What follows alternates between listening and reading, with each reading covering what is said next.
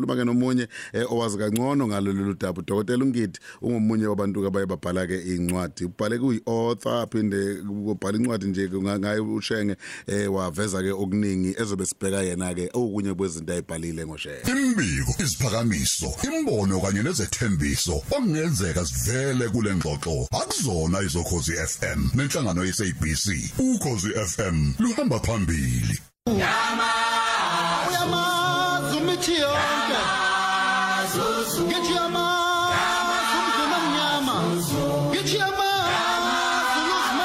uluzimane babazana qaza amadoda emasendeni. Umlilo oshephe kwakhodwa shonqela basekhakho nina koham usungulo luyibunubunu lufitshwa ngobhalwe ngalena. Islono nesikhalela amabhunu emadlibeni sekwasofosta bethintitha saleshe zentashe ngagwaza inkuzi ukadlelana ubhangidladla ngento komngcophe ishumi yomngcweti. Yini leyo mageba? Baphila ngawo etheni. Oshifa umhlamzi maphumulo itshe baqandwa bankolo baqandwa isandla laze laqephuka hazi kuyofaza ushifa umzimba utembe. Phakathi kwanoyingile mangusi ijame ephekwe ngwavuma. Shama filili mayizulele endaba khuzusa amora amashela ude kumathanzima magqozeni ukadlwa aphinda mntu asheke sakhila sakho somnqumo sanqumela indaba khona eblue fourteen emzini omkhulu wamabhunu. Shaya phezu ngoteptep makhathini walalo gorobho wavala phansi ngojomo lalo manqeshana ubhoda badudule shenge Uzwa lokho khosini FM nje kamnandi sabukela ke udokotela umphumeleli ngidi. Unathi ke la ku Khosi FM mhlaba sikubingelele sikomukele ku Khosi ekseni namuhla. Eh ngiyabingelela kubo bonke abalaleli nani lapho e-studio sochikazi no eh eh, Oshe. Kamphelesi yeah. Asikhalele mfowethu nawe sikhalela nje sizwe sonke ngo- ngo- ngo- ngo- ngo- ngokulimala okwenzekile ekhaya le kwaphinda ngene eh siyakhala sisizwe siyakhala sibaningi eh ngokwehlekile.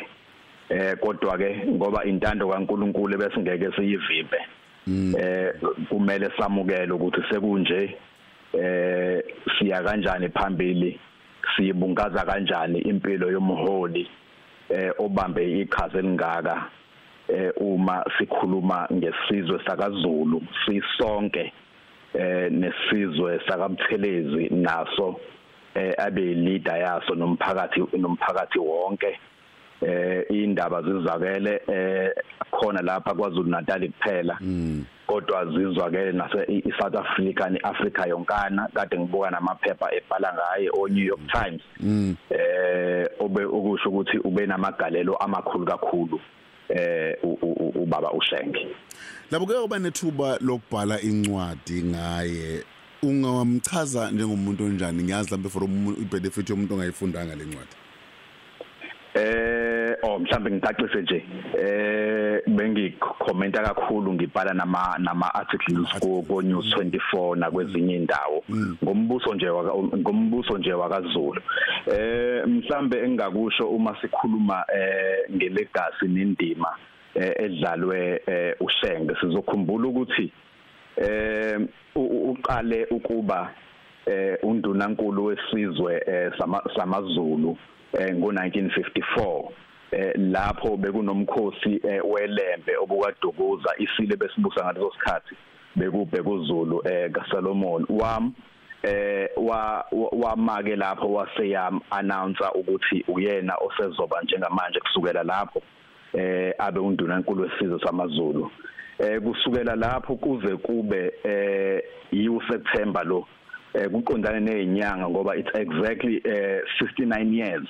Eh ushenge eh, akwazi ukuthi eh abe undunankulu wesizwe samaZulu. Okusho ukuthi eh uyena ose eh, obe undunankulu isikhathi eside kunabo bonke abanye ondunankulu eh besizwe aba abakwazile ukuthi balide isizwe. Mhlambe esingaphinde sikubalule ukuthi eh mhlawumbe abanye babuye bangaqondi ukuthi undunankulu eh yini umsebenzi kandunankulu umsebenzi kandunankulu mukhulu ngalendlela ukuthi uyena okufanele ehlezi eseduze eh kwesilo uyena oba futhi umeleleki eh wesilo uyena okwazi ukusikhuza eh uma sinyathela kabi noma sikhuluma uyena osindlalelayo uma sizokhuluma nomphakathi.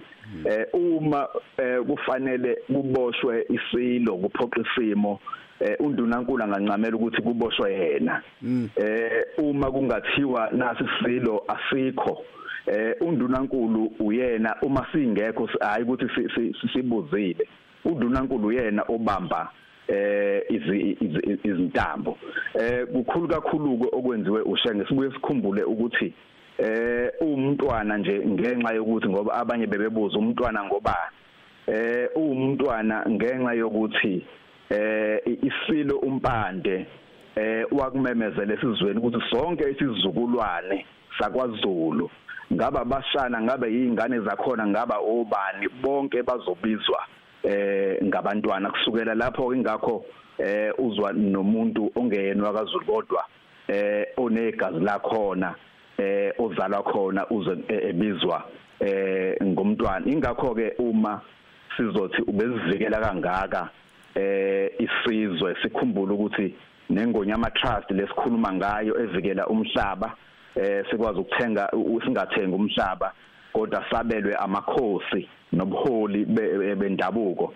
Eh ingenxa yakhe ushenge waye eseqhulwini kubhalwa le le le ingonyama trust act na wonke ama provisions eh ayo. Mm.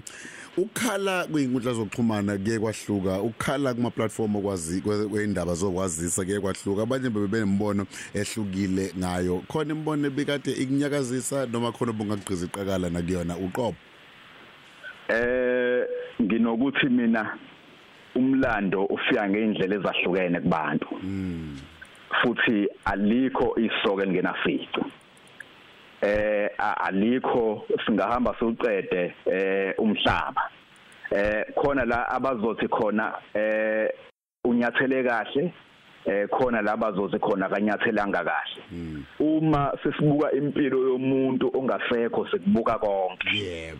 Eh asingabafunzi abantu eh emlomeni ngenkani ukuthi eh abasho kuphi eh ngoshenge. Abasho lokhu eh abacabanga ukuthi kubona eh njengezwe lamalungelo bacabanga ukuthi eh kuyikona. Kodwa bese siyagwema ukuhlambalaza. Yebo. Eh ukuhlambalaza nokudicilela isithunzi singekho isidingo. Uma kuukuthi usidicelela ngenxa yepropaganda awusenzi kahle. Kodwa uma ukuthi ukhuluma into eyiyona nakhona uveza umbono wakho ngoba ngisho nje ukuthi eh, umlando nokwenzeka kwezinto kufike ngeindlela ezihlukene kubantu ikakhulukazi eh labo bephila ngezikhathi eh zodlame banembono ehlukene abangayisho. Kodwa esingakusho njengamanje eh asithi nje eh impilo yomuntu eh thina amazulu eh usebenzelile ushenge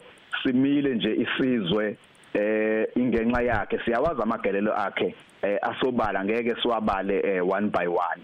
Eh siyawazi kakhulu simbonile eh ebeka ebeka isilo esisehlalweni. Wayenze njalo nango 1971 ngoDisemba ebeka isilo esabuzayo. Ubenalento yakhe yokwazi ukuxazulula izinkinga. Ubekwazi ukungena la kuthiwa angenwa khona.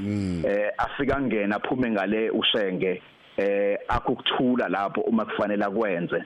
Eh kubantu basemahlabathini kade besho bekhuluma eh ukuthi bebengalambi bebekwazi ukuyocela kuyena bakhulume naye akazi ukusiza eh isizwe eh sika baba wakhe umathole. Enye into esiyenzile izolo sesakhuluma nabalali bokhoze FM sathi abasitshela ezinye zezinto abamkhumbula ngazo. Amahlaya eh dlaba kube yiwona. Aqabe kakhulu. Ithi ngikuzwise lokho okuncane bese ngizwa uvo lwakho. Bathi bekuyindoda ebinamahlaya.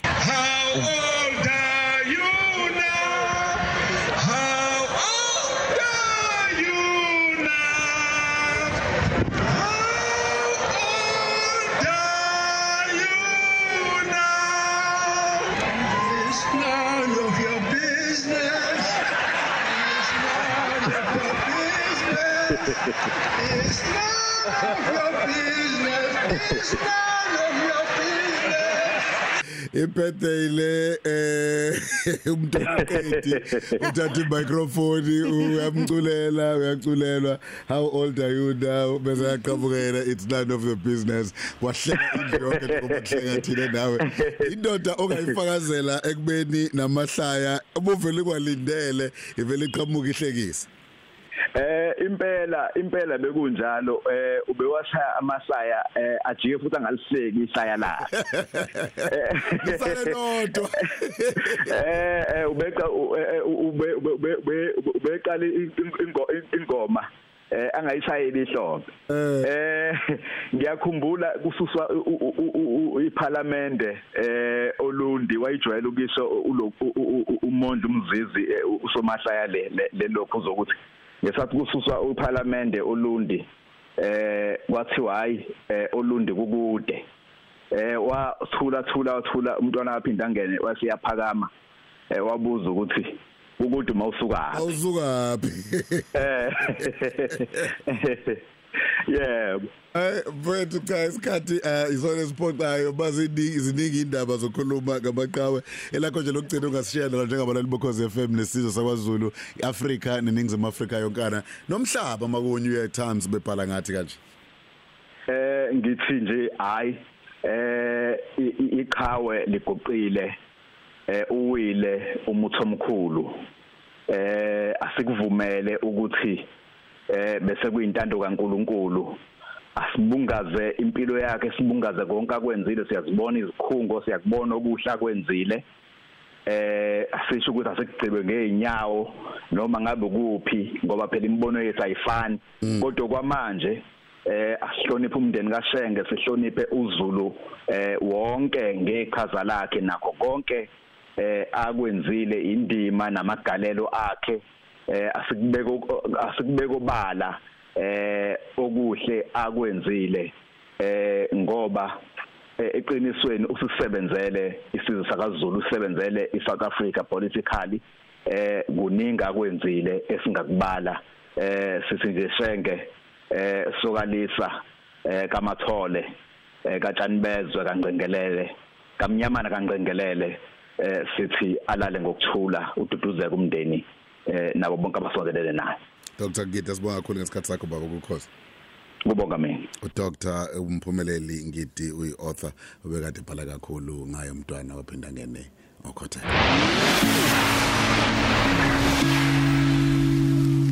Lala ngokuthula mntwana wakaphinda ngena mntwana wakaphinda ngena uyibekile induku ebandla. Ukhozi FM luhamba phambili.